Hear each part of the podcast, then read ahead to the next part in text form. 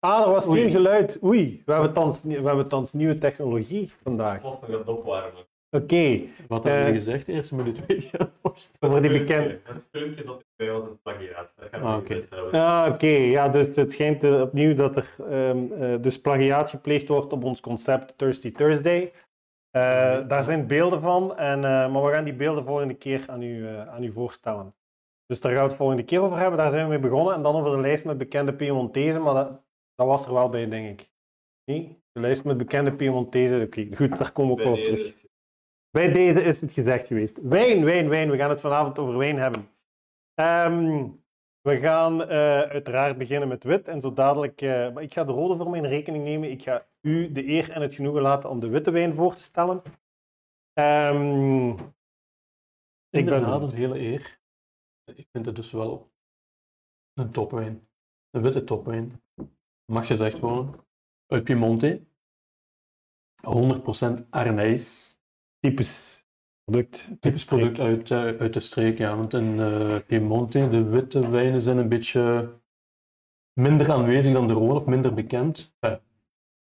Het Chardonnay Sauvignon, wat ze overal natuurlijk eh, maken. In Piemonte heb je dan autochtone druivensoorten Arnijs, Favorita, Fermentino. Cortese. Dat, Gavi di Gavi. ja, dat is Cortese. Cortese. Hè. Ehm, Nu, Piemonte is ook wel een streek waar dat vooral, allee, die vooral bekendheid geniet vanwege de rode wijnen natuurlijk. ja, zijn, ja, eh, ja, de Nebbiolo, Barolos en de Barbarescos die de, ja, de waren. eh, ja. Maar hier dus 100% Arnijs van het huis eh, Matteo Correggia in Canale. Canale Ruero. Ja. Arnijs is eigenlijk, eh wil zeggen, eh, kleine moeilijke. Ah, dat wist ik niet. Dus dat moet je nooit Alweer tegen vrouw iets, hè? zeggen. Mijn. Arnijsje of zo, dat zou ik beter nooit zeggen. Eh, Mijn Arneesje. dat klinkt dan goed. Nee? Ja. Vergeet de druif, want eh, is terug eh, door de Barolo-producenten beginnen aangeplant te worden. Mm. Vroeger werd die gebruikt om de Barolo zachter te maken. Toen deden ze Arnijs bij de Nebbiolo, Oké. maar dat mag nu niet meer natuurlijk. Ehm, we gaan proeven. Top idee. Ik. Ik zal, eh, zal ik dat hier doen, aan deze kant? Want ja, we hebben, hè, ziet je, Bjorn is op alles voorzien. We hebben deze dagen eh, hier een professionele studio die, eh, ja, Bjorn ook niet vergeten. Dan zal ik de wijn even tonen aan onze kijkers. Waarom nu kleine moeilijke? Eh, omdat een druif die moeilijk te verbouwen is. Wat die ook heeft, is eh, lange houdbaarheid. Wat ik eigenlijk vroeger niet wist. Ja, maar er zijn veel witte wijnen die, die mensen zijn, allee, mensen staan altijd te kijken van het feit dat witte wijnen, of zijn er zich precies niet van bewust dat heel veel witte wijnen ook bewaarpotentieel hebben. Hè? Want heel veel mensen veronderstellen dat witte wijn eh, per definitie eh, jong gedronken moet worden. Heel veel, voor heel veel witte wijnen klopt dat inderdaad. En eh, het hangt er ook vanaf hoe dat de wijn gemaakt wordt, of op welke manier, het, of wat, wat de wijnmaker bedoelt met zijn wijn. Hè. Als we zoeken naar een aperitiefwijntje of een lichte rosé, dan spreken we uiteraard niet over een bewaarwijn. Maar er zijn inderdaad heel veel witte wijnen die toch... ik heb gisteravond met Gianluca Garofoli live op Instagram eh, gebabbeld, onder andere over Verdicchio en over het podium van Garofoli. En dat is ook een van die wijnen die inderdaad gigant, gigantisch bewaarpotentieel heeft. En dat is een witte wijn die, als je hem de tijd geeft, die echt, dat wordt fenomenaal mooi. Dat krijgt echt hele fijne, elegante toetsen. Dat wordt super complex in de neus. Dat, eh, dat, is, dat is onder andere een van die wijnen die, eh, ja, met veel bewaarpotentieel. Maar dit ook, eh, blijkbaar. Ook een, een bijnaam van Arnijs is Bianchetto. Of zelf eh Nebbiolo Bianco. Zeg ik nog. er ook tegen, ja. Door de, ja, de lange houdbaarheid, de stevige druif. Maar de Arnijs die ik altijd geproefd heb, dat waren frisse, fruitige eh, wijntjes om op terras te drinken. ja, ja, ja, ja, met, eh, Zo ken ik hem eigenlijk ook. focaccia, eh, ham, noem maar op. En dit is ja... Dit is een 2013, structuur- dit is hè? 2013, ja. Is eh, vier maanden op inox en eh, zes jaar op fles. Zes jaar Ja. op de fles. Ja. Ja, ik, Ik- eh, ik, ik ik, ken de Arnees, gezien. allee, ik ken, ken de Arnees van bij Matteo Correggia. En het is pas sinds, sinds ik denk vorig jaar, of, of eh, ik denk dat 13 het tweede oogstjaar is, wat dat ze op de markt brengen van die uh, Valde Preti Wit. En ik kende hun gewone Arnees en dat is inderdaad, gelijk Ja. zegt, een hele frisse, toegankelijke witte wijn. eh wat strakker van stijl, iets wat ik zou geven bij bijvoorbeeld bij oesters, bij een jonge geitenkaas, bij salades en dergelijke meer. Maar ik was me ook niet bewust van het bewaarpotentieel van, eh van Arnees, totdat Plus geen hout gaat ook niet. ook niet, nee. En toch complex in de neus, hè. Echt. eh, Mineraliteit ook die je in de neus krijgt als je dan snuffelt, gelijk je dat zegt. ja, ik vind dat echt een, onwaarschijnlijk eh, volle en Ja. complexe, interessante neus. ja. En dan voor een wijn inderdaad die zes jaar op de fles, eh, in de fles rijdt. En met draaistop. Met draaistop, ja. Zeker te vermelden voor een, een wijn van nee, een oudere wijn. Maar Hij, hij is wel voorstander van draaistoppen. Ja, bij, bij Correggia zijn ze, ehm, en, en zeker Giovanni en Brigitta, want het, allee, om, om, om kort even het verhaal van Correggia te, te schetsen. Maar hebben we al de wijn van Correggia gehad? Rood denk ik hebben we al kort. Ik denk dat ik er toen nog over gesproken heb. Dus Matteo Correggia, Eh, de stichter eigenlijk van het, van het, eh, het wijnhuis, is helaas in, ehm, in 2001 om het leven gekomen bij een spijtig ongeval in de wijngaard. En het is sindsdien- 39 jaar leeftijd. hè. Ja, heel jong nog. 39 hè, ja.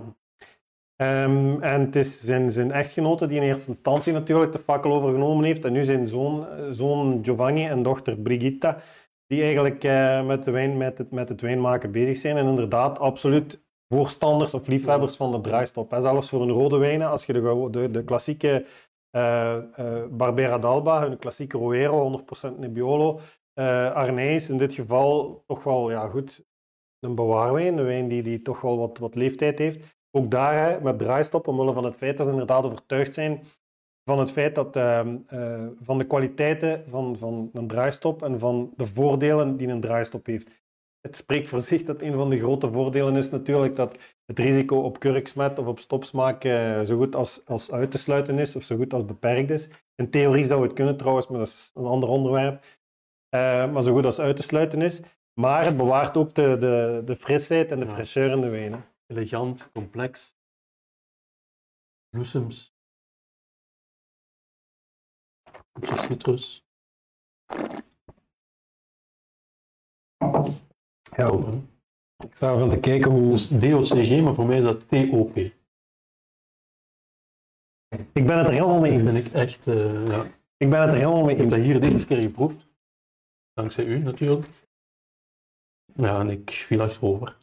Ja, het is iets, ehm, het is, het is ah, hier ook, hè, dat, is, dat, is, dat is niet direct een bekende, een, een, een bekende wijn of iets waar dat mensen rijen dik voor staan aan te schuiven. Ja. Dat is iets wat we in de winkel merken we dat, dat is iets wat dat we moeten verkopen. Maar die mensen die tot nu toe, ehm, of aan wie dat we tot nu toe dat soort wijnen of die wijnen hebben aangeprezen, merk ik inderdaad dat dat, eh, dat, dat toch wel op gejuich ontvangen wordt, moet ik zeggen. Dat is, Maar eh, Ik heb een voorbeeld van Ceretto, wijnhuis. Ja, hebben ook een, een Blanger heet die. ja, Dat is ook een, Arnees. Een Arnees, 100%. Maar die heeft zelf een lichte prikkeling. Zo- Alsof er een beetje zuurstof in de wijn zit. Ja, ja, ja. Dat is heel fris, heel fruitig. En als je dan vergelijkt met dit, dan denk je wel... Ja, dit is inderdaad eh stevige wijn aan tafel te serveren Ja. bij wit vleesgevogelte. Ja, Dus vis. Ja. Niet te complex, maar... eh, En nu, welke periode is aangebroken? Arnees gaat ook wel... Les asperges, ja, Ik absoluut. wou het al zeggen. Herinner met de wijn vorig jaar dat die bij asperges zou passen. Ja. Ja, ja, maar dat is te inderdaad. zeggen. Ja, maar Jet, dit... Jet de Houblon. Opscheuten, Ah, bon. ook. Hoe noemde je het in het Frans? Jet de Houblon. Ah, dat wist ik niet. Ja, oké, opscheuten. Jet Ja. de Houblon. ja, jij zet de man met de culinaire Achtergrond. achtergrond eh, met de ervaring. Ja, asperges inderdaad, het seizoen begint er zo stilletjes aan weer aan te komen. Asperges zijn, eh, het, dat is geen evidente, evidente groente om wijn mee te combineren. Hè. Dat Het is een van de weinige groenten waar je, allee, gelijk Sauvignon, kunt je daarbij, eh, dit bijvoorbeeld, eh Albarino, Spanje. ja, Pinot Blanc dikwijls, of, of, eh, ja. een, een droge muscat of Ja, zoiets van die ja, strekking. ja. Hoge muscat, zeker. Er zijn zo'n aantal groenten die moeilijk combineerbaar zijn. Dat is asperges, Eh eh artisjokken, dat is ook zoiets. Artisjokken kun je niks... eh Schrikkelijk moeilijk. Sherry. Nee? Een hier. Dus het is niet direct omdat een wijn een draaistop heeft dat een slechte wijn is. Want een echte wijn heeft. Uh, hem tussen aanhalings. Nee, nee, nee, nee, nee, nee, nee, nee. Een echte, dat heeft niks met echte wijn te maken. Maar het is daarom ook dat, we dat, dat ik. Als ik mijn filmpjes van de wijn van de maand opneem, dan, dan is dat een beetje hetzelfde verhaal. Hè. Ik, maak hem, ik probeer de mensen in elk geval altijd te overtuigen of attent te maken op het feit dat een draaistop Draaistoppen worden helaas nog altijd geassocieerd met zoals Julio het eigenlijk zegt, is dat een beetje een clichébeeld, hè, slechte wijn. Ja. Ja? Ehm, maar dat is, het, staat gewoon los van, totaal los van, van, van de kwestie slechte wijn of geen slechte wijn. Eh, er zijn ook slechte wijnen die met een kurk gebotteld, eh, met een kurk gebotteld worden. Hè? Dus het, het- soort afsluiting van, van de fles dat heeft toegenaamd, of er is toegenaamd Nee, geen relatie tussen het soort afsluiting en eh, de kwaliteit van de wijn. Uiteraard is het zo dat voor eh, de goedkopere wijnen, Ja. de instapwijnen, Instapwijnen, dat zijn meestal de wijnen met een draaistop, maar hier zit je dus met een wijn van 2013 met een draaistop. En dat is atypisch. Ja, alhoewel, dat is niet, ik zou niet zeggen dat Alleen dat in typisch is. Oostenrijk hebben ze ook wel allemaal, eh, In Oostenrijk bijvoorbeeld, eh, Zwitserland ook. Zwitserland, Australië is daar heel sterk in, Nieuw-Zeeland, Sauvignon Blanc uit Nieuw-Zeeland. Dit, om u maar een idee te geven, dit is een wijn, in de winkel verkopen we dat 24, ik denk net geen 25 euro de fles. Er zijn wijnen genoeg die, eh, die stevig geprijsd zijn en die toch een draaistop hebben. En daar is, daar is, daar is alle reden toe. Eh, of er is andersom, ik, ik moet het eigenlijk omdraaien, er is absoluut geen reden om te denken dat een wijn met draaistop eh, slecht van kwaliteit zou zijn. Ehm, dat dat geassocieerd wordt, of vaak of snel geassocieerd wordt met goedkope wijnen, dat klopt inderdaad, omdat dat wijnen zijn. als, je, als je morgen een, een aperitiefwijntje zoekt voor aan het zwembad of voor op, op een zonnig terras, ja goed, dan is het een draaistop. Dan is er niks gemakkelijker dan een draaistop. Je steekt dat in een ijsdamer, je draait dat open enzovoorts. Eh, en dat is de reden waarom dat, eh, dat er vaak gekozen wordt, zeker voor die goedkopere wijnen, voor eh, een draaistop. Maar ook omwille van het feit dat kurk, de, de vraag naar wijn is de afgelopen decennia enorm gestegen. En daarmee ook de vraag naar kurk. Ehm, maar kurk, een kurkboom wordt om de zeven jaar denk ik geoogst. Dus de, de, de kurk wordt gemaakt van de schors eigenlijk van een kurkboom. In Portugal zijn ze daar, of Portugal is denk ik een van de grootste producenten van natuurlijke kurk. Maar om je een idee te geven inderdaad, een kurkboom die wordt maar om de zeven jaar geoogst. Dus het is logisch of het spreekt voor zich dat de vraag naar kurk, of dat het aanbod eh, de vraag niet kan volgen. En dat, er, dat dat een van de redenen is waarom dat men op een bepaald moment op zoek gegaan is naar alternatieven. ehm, naar alternatieven. In dit geval een draaistop. Maar eh, er zijn eh, intussen ook eh, tientallen, of, of tientallen is misschien overdreven, maar toch wel een aantal alternatieven ook die, die nog wel eens de kop opsteken, zoals kunststofkurken bijvoorbeeld, of zelfs glazen kurken. Of, of glazen stoppen zal ik zeggen, en kurken uiteraard niet, maar glazen stoppen bijvoorbeeld in de Provence wordt daar nog wel eens gretig gebruik van gemaakt voor een aantal rosés en dergelijke meer. Dus ehm, ja, er zijn zelfs een aantal wijnen die, eh, maar daar ook weer voor, voor wat instap, instapwijnen of betaalbare dingen die met een kroonkurk gebotteld worden enzovoort. enzovoort. Maar goed, Maar de Eh, flessen zijn duurder. Hè? ja, ja, ook, ja, absoluut. De stop is goedkoper, maar de fles is De duurder. fles is duurder geworden, ja, want daar ook, eh, is, dat, is, dat is ook een, een probleemgeval. Maar dus, eh, om maar even aan te geven dat er geen relatie is tussen kwaliteit en, en het feit dat een wijn eh, een draaistop heeft. Dus laat u daar zeker niet door afschrikken of laat een wijn niet staan omwille van het feit dat hij een draaistop heeft. Zo ook in dit geval is het beste bewijs dat, dat eh, een kwaliteitswijn ook met een draaistop eh, op de markt. Ik heb nog iets volgen op Google Maps. Is Ja, dat was eigenlijk de regio. Als je naar Matteo Correggia gaat, dan eh, Theo Correggia. Santo Stefano, Belbo, denk ik. Ja, de buurt van Canale. Eens Oh. kijken. Ja, nee. maar- Ah ja. Ja, ja, ja, dat klopt, dat klopt. Ja, Canale moet daar ergens in de buurt Als je, liggen, web- rechts. als je op de website gaat, dan kun je een, een kaartje van... Asti, eigenlijk, ja, voilà.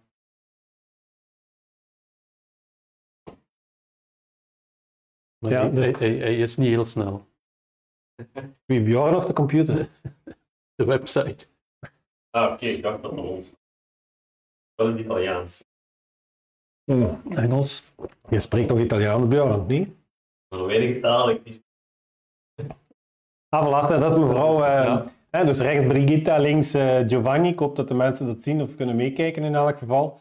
En dus eh midden uiteraard eh, de Eh, Echtgenote van eh. Matteo Correa. Territory Ruero. Ja.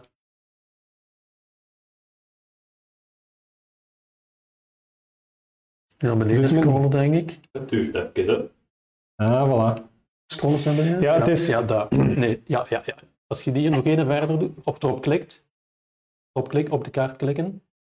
Nee, wacht, nu niet. Ja. Dan zie je ze, dus dat is Ah, wel, ja, dan weten we waar dat we zitten. Ja. Ruero, dan nog een verder en dan zie je Santo Stefano, Ruero, dus boven de rivier, de, De Tanaro, Tanaro, ja. dus de blauwe lijn. Daaronder ligt Barbaresco, Barolo, noem maar op. Gaat hij vanzelf? Dat was ik. Ja, dus eh, de, eigenlijk de provincie Cuneo. Hè. De provincie Cuneo in de regio Piemonte. eh, dat is de streek waar... eh, En Val dei Preti is eigenlijk de vallei van de paters, die door de inwoners van Asti weggejaagd zijn eh, naar Canale. Oké. En eh, ja, sta de altijd kijken. geestelijken, de geestelijken zijn de gronden verloren, dus het was geen eigendom meer van hun. eh, en vandaar de naam Val dei Preti. Val dei Preti. Ik vind die weetjes altijd wel eh, Ja? bijzonder interessant. Ja. Wist je datjes? Wist die dat is, ja. Wist die dat is. We zijn Ik op. vraag hoe dat we een goede wijn met draaistop of kruk kunnen herkennen, maar ja, dat is proeven, proeven, proeven. Hè. Hoe dat je dat kunt herkennen? De enige manier door, eh, om, iets om, om, om een goede wijn te herkennen is door hem inderdaad te proeven. En eh, allee, in de winkel krijgen we die vraag ook dikwijls. Hè. Wat is nu de beste wijn? De beste wijn is degene die jij het lekkerste vindt. Hè. Als iedereen hetzelfde lekker vond, hadden we maar één rode en één witte wijn nodig. Dan was het eigenlijk eh, snel geklonken. Hè. Dan, dan moesten we geen degustaties of proeverijen organiseren enzovoort. Dus het is echt een kwestie van, eh, van smaak eh, eh, als het om wijn gaat. En voor de rest inderdaad proberen en proeven, experimenteren, eh, kijken wat dat je lekker vindt enzovoort. Dus eh, dat kunnen we alleen maar aanraden. Zullen we eens eh, wat rood inschenken? Ja, als je mij je glas geeft, dan geef ik je dit. En Bjorn zijn glas.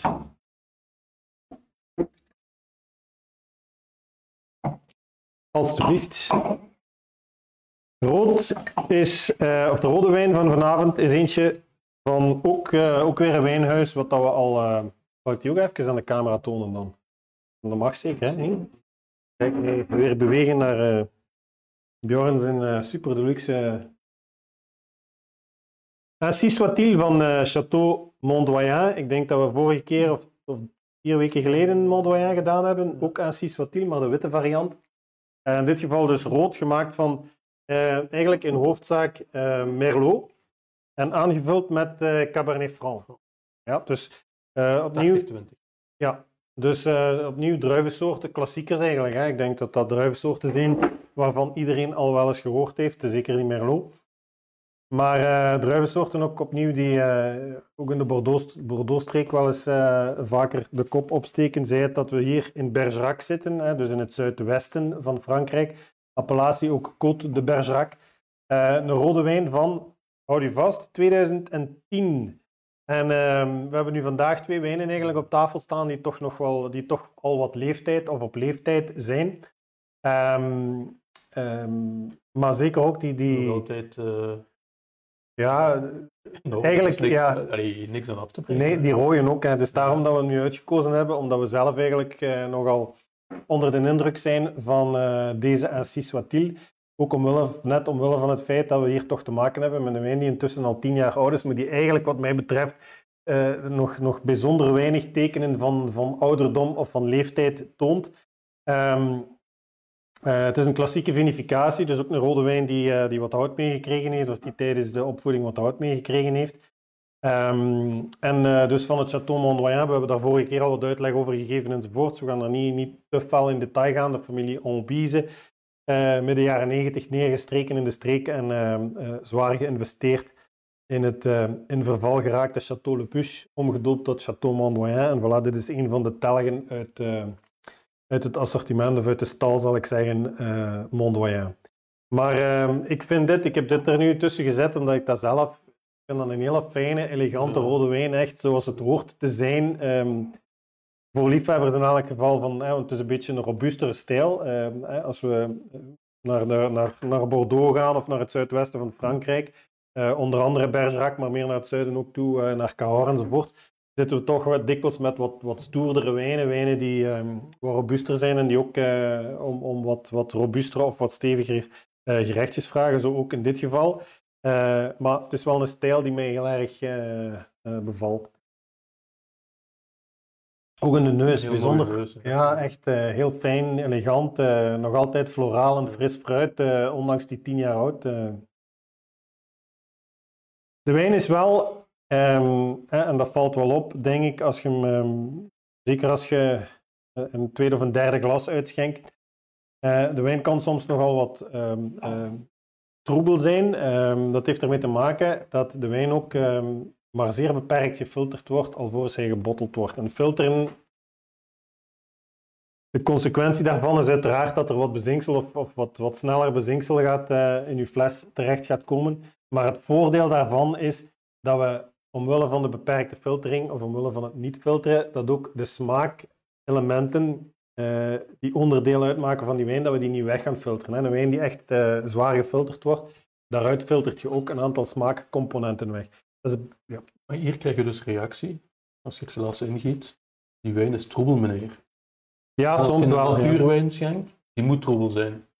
ja, ja. Ja, ook om ja. dezelfde redenen waarom die troebel is, hè? omdat die niet gefilterd wordt. niet gefilterd wordt, nee, absoluut. En eigenlijk is dat, is, allee, er zijn, zijn mensen die daarnaar op zoek gaan. Hè. Bijvoorbeeld ik in, in, in Bondol, bijvoorbeeld, Zuid-Frankrijk, Provence, zijn ook een aantal producenten die fantastisch mooie wijnen maken, maar die niet filteren, waardoor dat je eigenlijk al na een beperkt aantal jaren al depot krijgt in je wijn of, of een beetje een troebele wijn krijgt. Maar het is een beetje hetzelfde verhaal als met een, met een steak of met, met eh, ehm, het geen smaak geeft aan, aan uw T-bone steak of aan uw tomahawk, eh, desgewenst. Dat is net het vet en de knook die daaraan zit. Dat zijn de dingen die, als, er, als er soep, als er bouillon getrokken wordt, dan wordt ook de knoken en alle, dat zijn de dingen waar dat smaak in zit. En bij, bij een wijn eh, wordt dat dikwijls, zeker bij jonge wijnen, om te vermijden, net om te vermijden dat hij troebel gaat worden eh, of depot gaat vormen, wordt dat dikwijls weggefilterd. Maar voor een wijn die zijn tijd mee moet kunnen, zoals in dit geval bijvoorbeeld, eh, wordt dat dikwijls veel minder gedaan, omdat dat inderdaad een, een, onwaarschijnlijke bijdrage levert aan, aan de finesse, de elegantie en de smaak van de wijn. En? Ik heb nog niet geproefd. Ik ga... Ik heb juist geproefd. En? En, eh, ja. Hebben we gelijk van deze? ja, mooie zuren nog, eh, heel zachte tannines.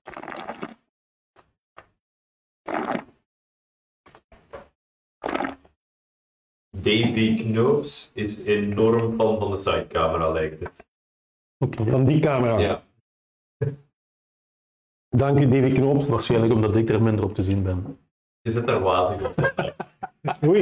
Dan gaan we van plaats wisselen. Ehm, dan zullen we Davy gaan we de, de sidecamera nog eens gebruiken, want ik heb hier nog twee wijnen staan voor volgende keer, dus die ga ik aan u voorstellen. Hè? Via de, de sidecam. En Bjorn is er trouwens ook heel blij mee, want ik kan dat van op afstand bedienen, dat kan draaien enzovoort. Allemaal. Het is hier echt een professioneel, dus eigenlijk moeten we volgende keer een keer de studio filmen. Zo, want we hebben, hè, niet? Ja. Bjorn, eh, Bjorn komt elke week met nieuwe gadgets op de proppen, zoals deze week eh, onze lapel mics. Hm? Volgende keer heeft hij gezegd, brengt hij een schminkster mee, dan kunnen we. Hè? Dat is de afspraak, niet? Waar ik die ga halen, geen idee. Maar... Bon, eh, in elk geval, ehm, wat mij betreft, eh, een absoluut toppertje. En waar dat, waar dat dit misschien een, een, een iets prijzigere wijn is, vind ik bij die Chateau Mondoyen net het feit dat die eigenlijk zeer schappelijk geprijsd is voor een absoluut, wat mij betreft, topglas wijn. Ehm, heb jij de prijs op? 12 euro? 12,37. 12,35. Dat is geen geld. Dat is geen geld. Ja, absoluut. Mensen betalen in Bordeaux. 25 voor deze is ook niet Nee, nee, nee, absoluut. Ik Een vind dat naar ook. een, af, naar een Efteling gaat, dat is 35 euro zeker. Efteling. Daar moet, je, daar moet je bijna zoveel betalen voor een blikje Ja. cola, denk ik. eh. Amuseer ik me meer mee. dan Ja, ja, ja. ja, ja.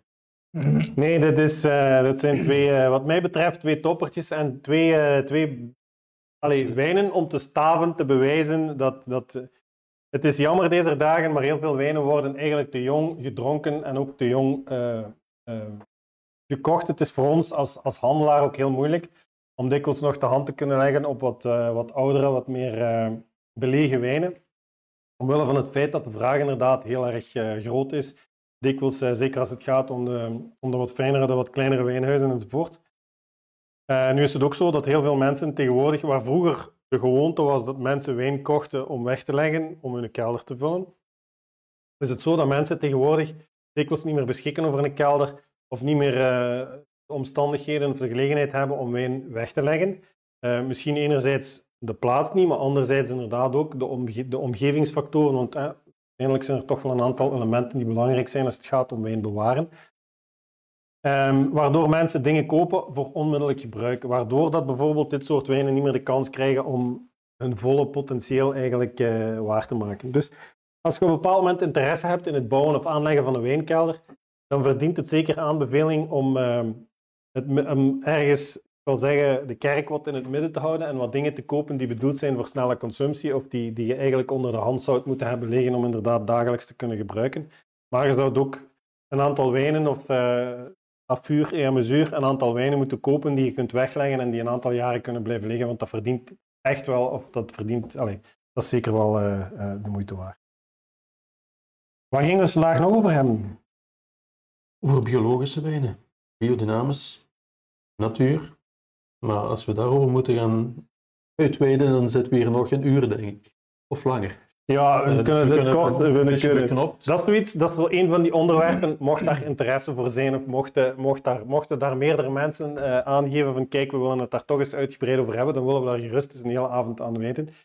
Eh, maar ehm, we hadden dat eigenlijk een stukje als onderwerp om, om aan te sluiten op de wijnen die vandaag op tafel staan, omdat zeker bij Correggia eh, er Maar, op een, allee, biologische manier gewerkt wordt. Waar het eigenlijk om gaat, is dat de biologische wijn en de ja, biodynamisch misschien iets minder, maar natuurwijnen worden al duizenden jaren zo gemaakt. Hè? Dat is alleen maar sinds het Wereldoorlog 2 dat de chemische, eh, hoe noem je het, chemische, Ja, dat, dat synthetische bestrijdingsmiddelen en dergelijke meer is inderdaad een de chemie in opmars was, dat ze gemakkelijkheidshalve hè, producten gingen gebruiken om meer rendement te krijgen.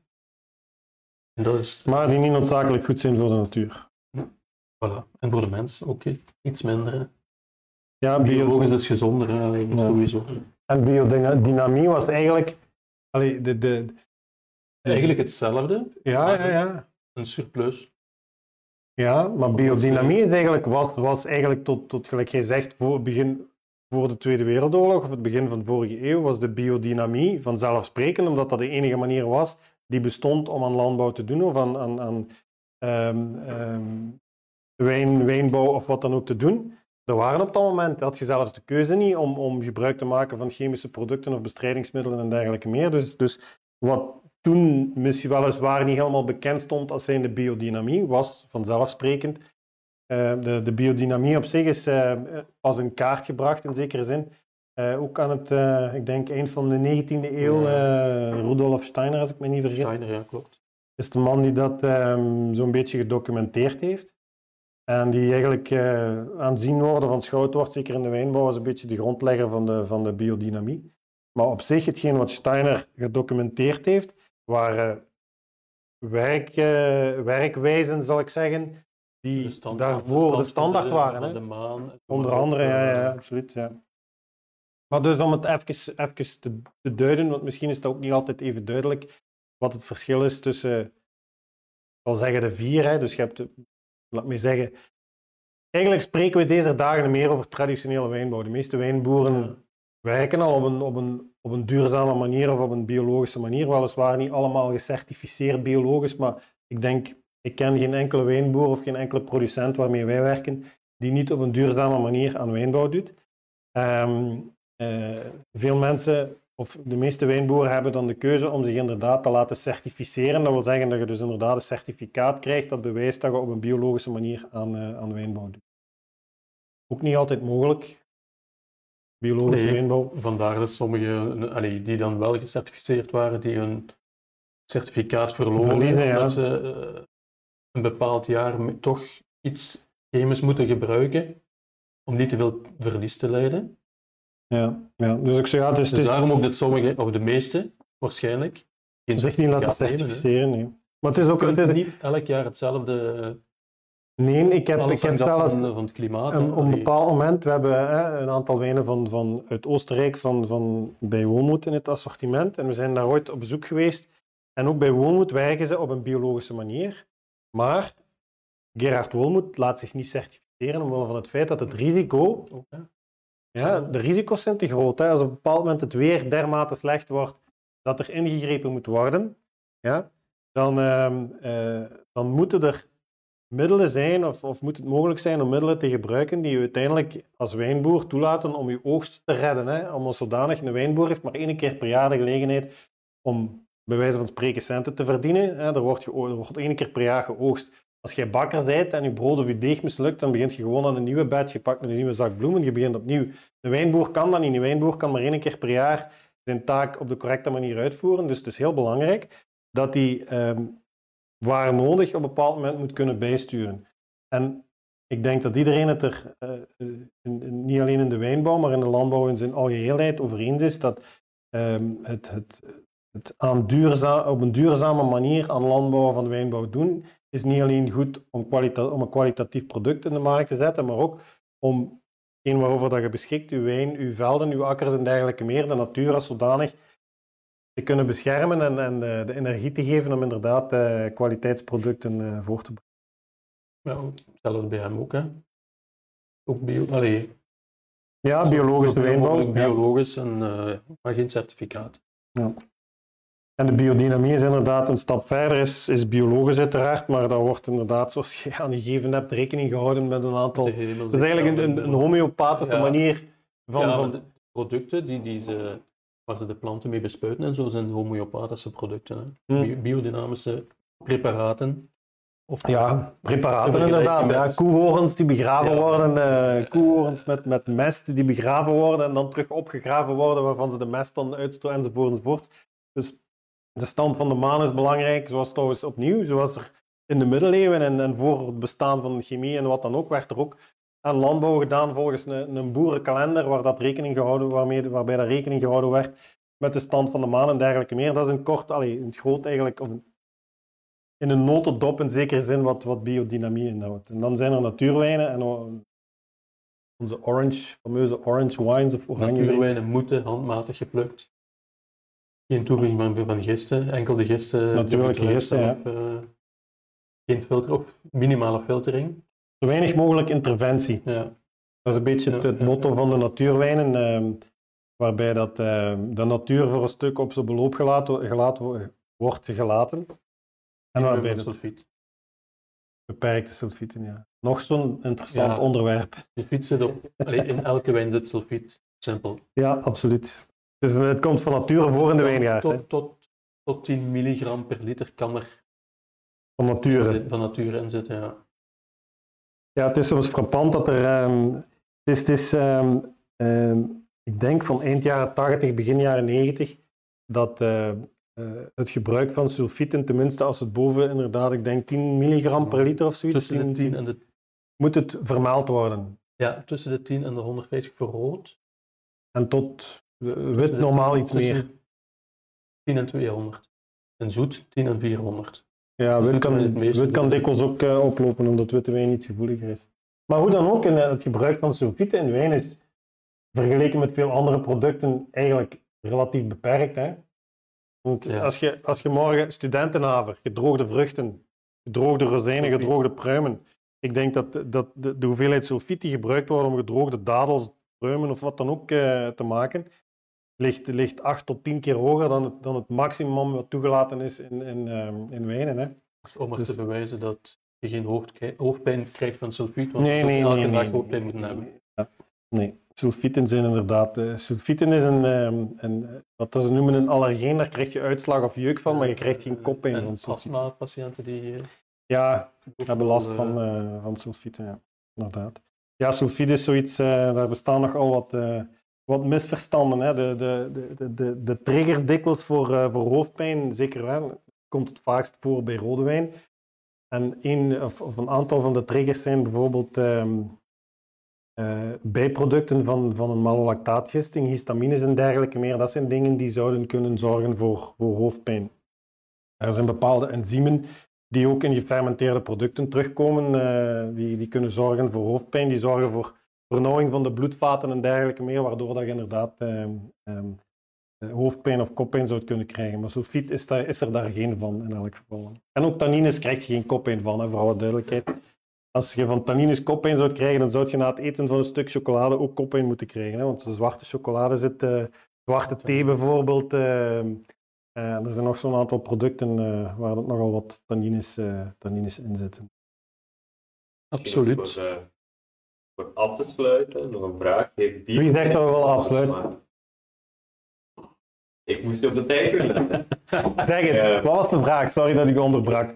He- Heeft biowijn invloed op de smaak? En ik denk bij gevolg ook, ja, natuurwijn. En... Nee, natuurwijn wel. Hè. Dus natuurwijn, eh, de, de manier, oh, dat is eigenlijk een, een consequentie van de manier waarop dat natuurwijn gemaakt wordt. En die orange wines hebben we het nog niet over gehad, maar orange wines zijn eigenlijk een vorm van natuurwijnen, waarbij dat bijvoorbeeld, waarbij dat eigenlijk witte wijnen gemaakt worden, die, net zoals bij rode wijnen, in contact blijven inderdaad met de schil, of waar, de, waar, het, waar het sap eigenlijk in contact blijft met de schil, waardoor dat je inderdaad de kleur, of een deel van de kleur, eh, in je zogenaamde witte wijn krijgt, maar die wordt dan dus inderdaad oranje van kleur of, eh, en dikwijls ook troebel omdat die niet gefilterd is.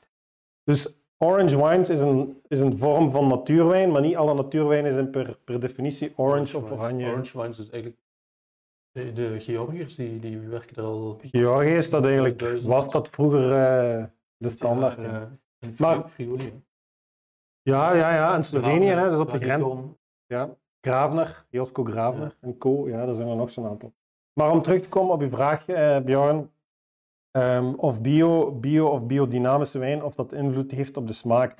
Nee, dat heeft geen invloed op de smaak. Het is niet zo dat een bio, biologische of biodynamische wijn anders smaakt dan dezelfde wijn die niet op die manier zou zijn gemaakt. Wat uiteraard wel een rol speelt, is de manier waarop dat de wijnmaker kiest om zijn wijn te maken. Of hij al dan niet gebruik wil maken van eh roestvrij tanks, beton, cement, eh, hout en dergelijke meer. Dat zijn allemaal dingen die invloed hebben op de smaak. Maar wat er gebeurt, of eh, het feit dat er in de, in de, in de wijngaard, ehm, eh, zal ik zeggen, gebruik, maakt van, gebruik gemaakt wordt van natuurlijke producten ehm, enzovoort, heeft niet direct een invloed op de smaak in de fles. Op lange termijn is het wel zo natuurlijk dat je een gezondere wijngaard krijgt. Hè. Dus als je, als je op een bepaald moment op een biologische of biodynamische manier gaat werken, krijg je uiteraard eh, een wijngaard die op den duur gezonder gaat zijn en die ehm, eh, gezonder fruit gaat eh, voortbrengen. Waardoor dat je uiteindelijk wellicht wel, als je, als je nu echt de twee extremen tegenover, zou, tegenover elkaar zou zetten, een wijn uit dezelfde wijngaard die niet op een biologische manier zou zijn gemaakt en een wijn uit dezelfde wijngaard die wel op een biologische manier zou zijn gemaakt. Waarbij het verschil tussen de twee dan wellicht een aantal 10, 15 jaar zou moeten zijn in theorie. Dan denk ik wel dat je het verschil gaat proeven. Maar in, theorie, in, in principe eh, heeft dat geen invloed op eh, de smaak of je smaakervaring. Of je gaat aan de wijn nooit kunnen proeven of een biologisch of biodynamisch is. eh, dat dat niet. Maar dus als het om natuurwijnen gaat, dan gaat je dat wel proeven. En bij orange wines gaat je dat uiteraard zien ook. Dus eh, ja. Julio di Anna, hè, maar dat is geen persoon, dat is een pagina op Facebook. Nee, nee, dat is Anneke Stijvers. Die maakt de beste olijfolie van heel Italië. Bij Wat? deze een beetje reclame maken voor Olio di Anna uit de marken. Ja, Zegt dat ze van uw wijntjes nooit hoofdpijn krijgt. van onze wijnen krijgt ze nooit hoofdpunt. Dank u, Anneke. Dank u. Eh, nee, dat is, eh, Anneke en Davy eh, maken olijfolie in de marken. We hebben vorige keer, denk ik, vorige keer hebben we Garofoli gedaan, zeker, hè? Niet? Zijn we vorige keer niet in de markt?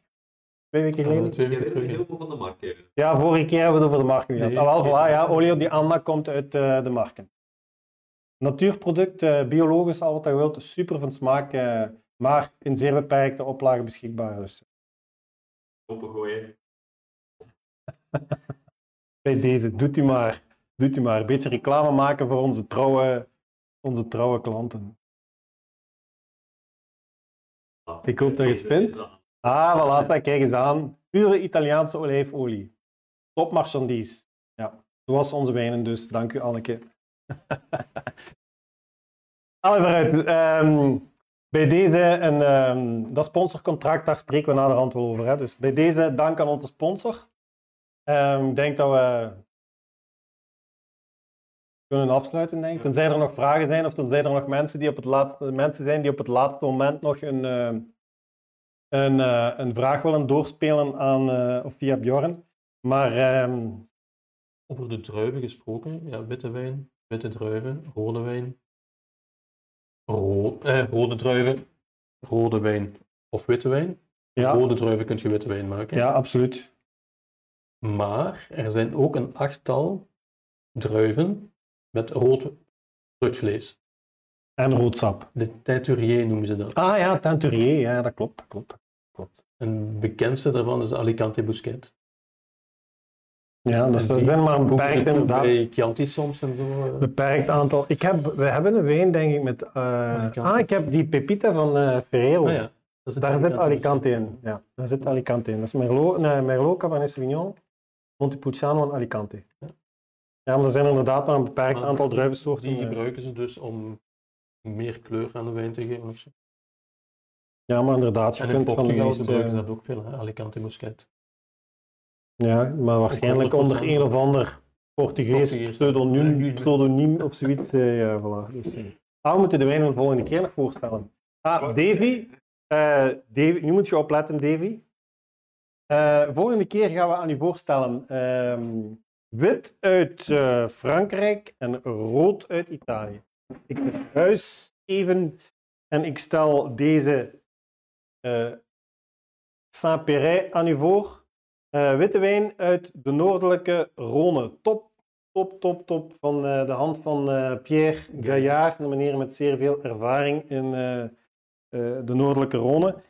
En in rood gaan we terug naar eh, Italië en eh, terug naar de streek waar dat we vandaag eh, wit uit gekozen hebben. En dan gaan we deze, ik weet niet of het goed leesbaar is, Ja, Visa di aan u voorstellen. Dolcetto uit Alba en van het wijnhuis Domenico Clerico. Dat zijn de wijnen die volgende keer aan bod komen. Voor wat het waard is, de bij, deze beide wijnen, of deze beide wijnen moet ik hier even verhuizen, deze beide wijnen, eh, zijn beschikbaar in onze, eh, of via de webshop, via onze Facebook Livebox. Hè. Eh, de meesten weten intussen, of we hebben al een aantal keer reclame gemaakt voor onze Facebook Livebox, waarin dus die twee wijnen zitten, samen met wat hapjes en dergelijke meer, die u toelaten om volgende keer met ons mee te proeven in het gezelschap van wat lekkere of leuke versnaperingen. Beschikbaar voor 49,95 euro en gratis aan huis bezorgd. Dus voor de liefhebbers ehm, eh, zeker een aanradertje tegen volgende keer. Ehm, ik denk dat we dan alles gehad hebben, gezegd hebben. Dank voor het kijken. Bjorn, dank voor de technische ondersteuning en de nieuwe snufjes. Altijd fijn, hè. Ik ben benieuwd wat je volgende keer bij hebt. Ik ben benieuwd wat je volgende keer bij hebt. We moeten nog klinken, want Bjorn gaat dat opnemen, hè, dat laatste stukje.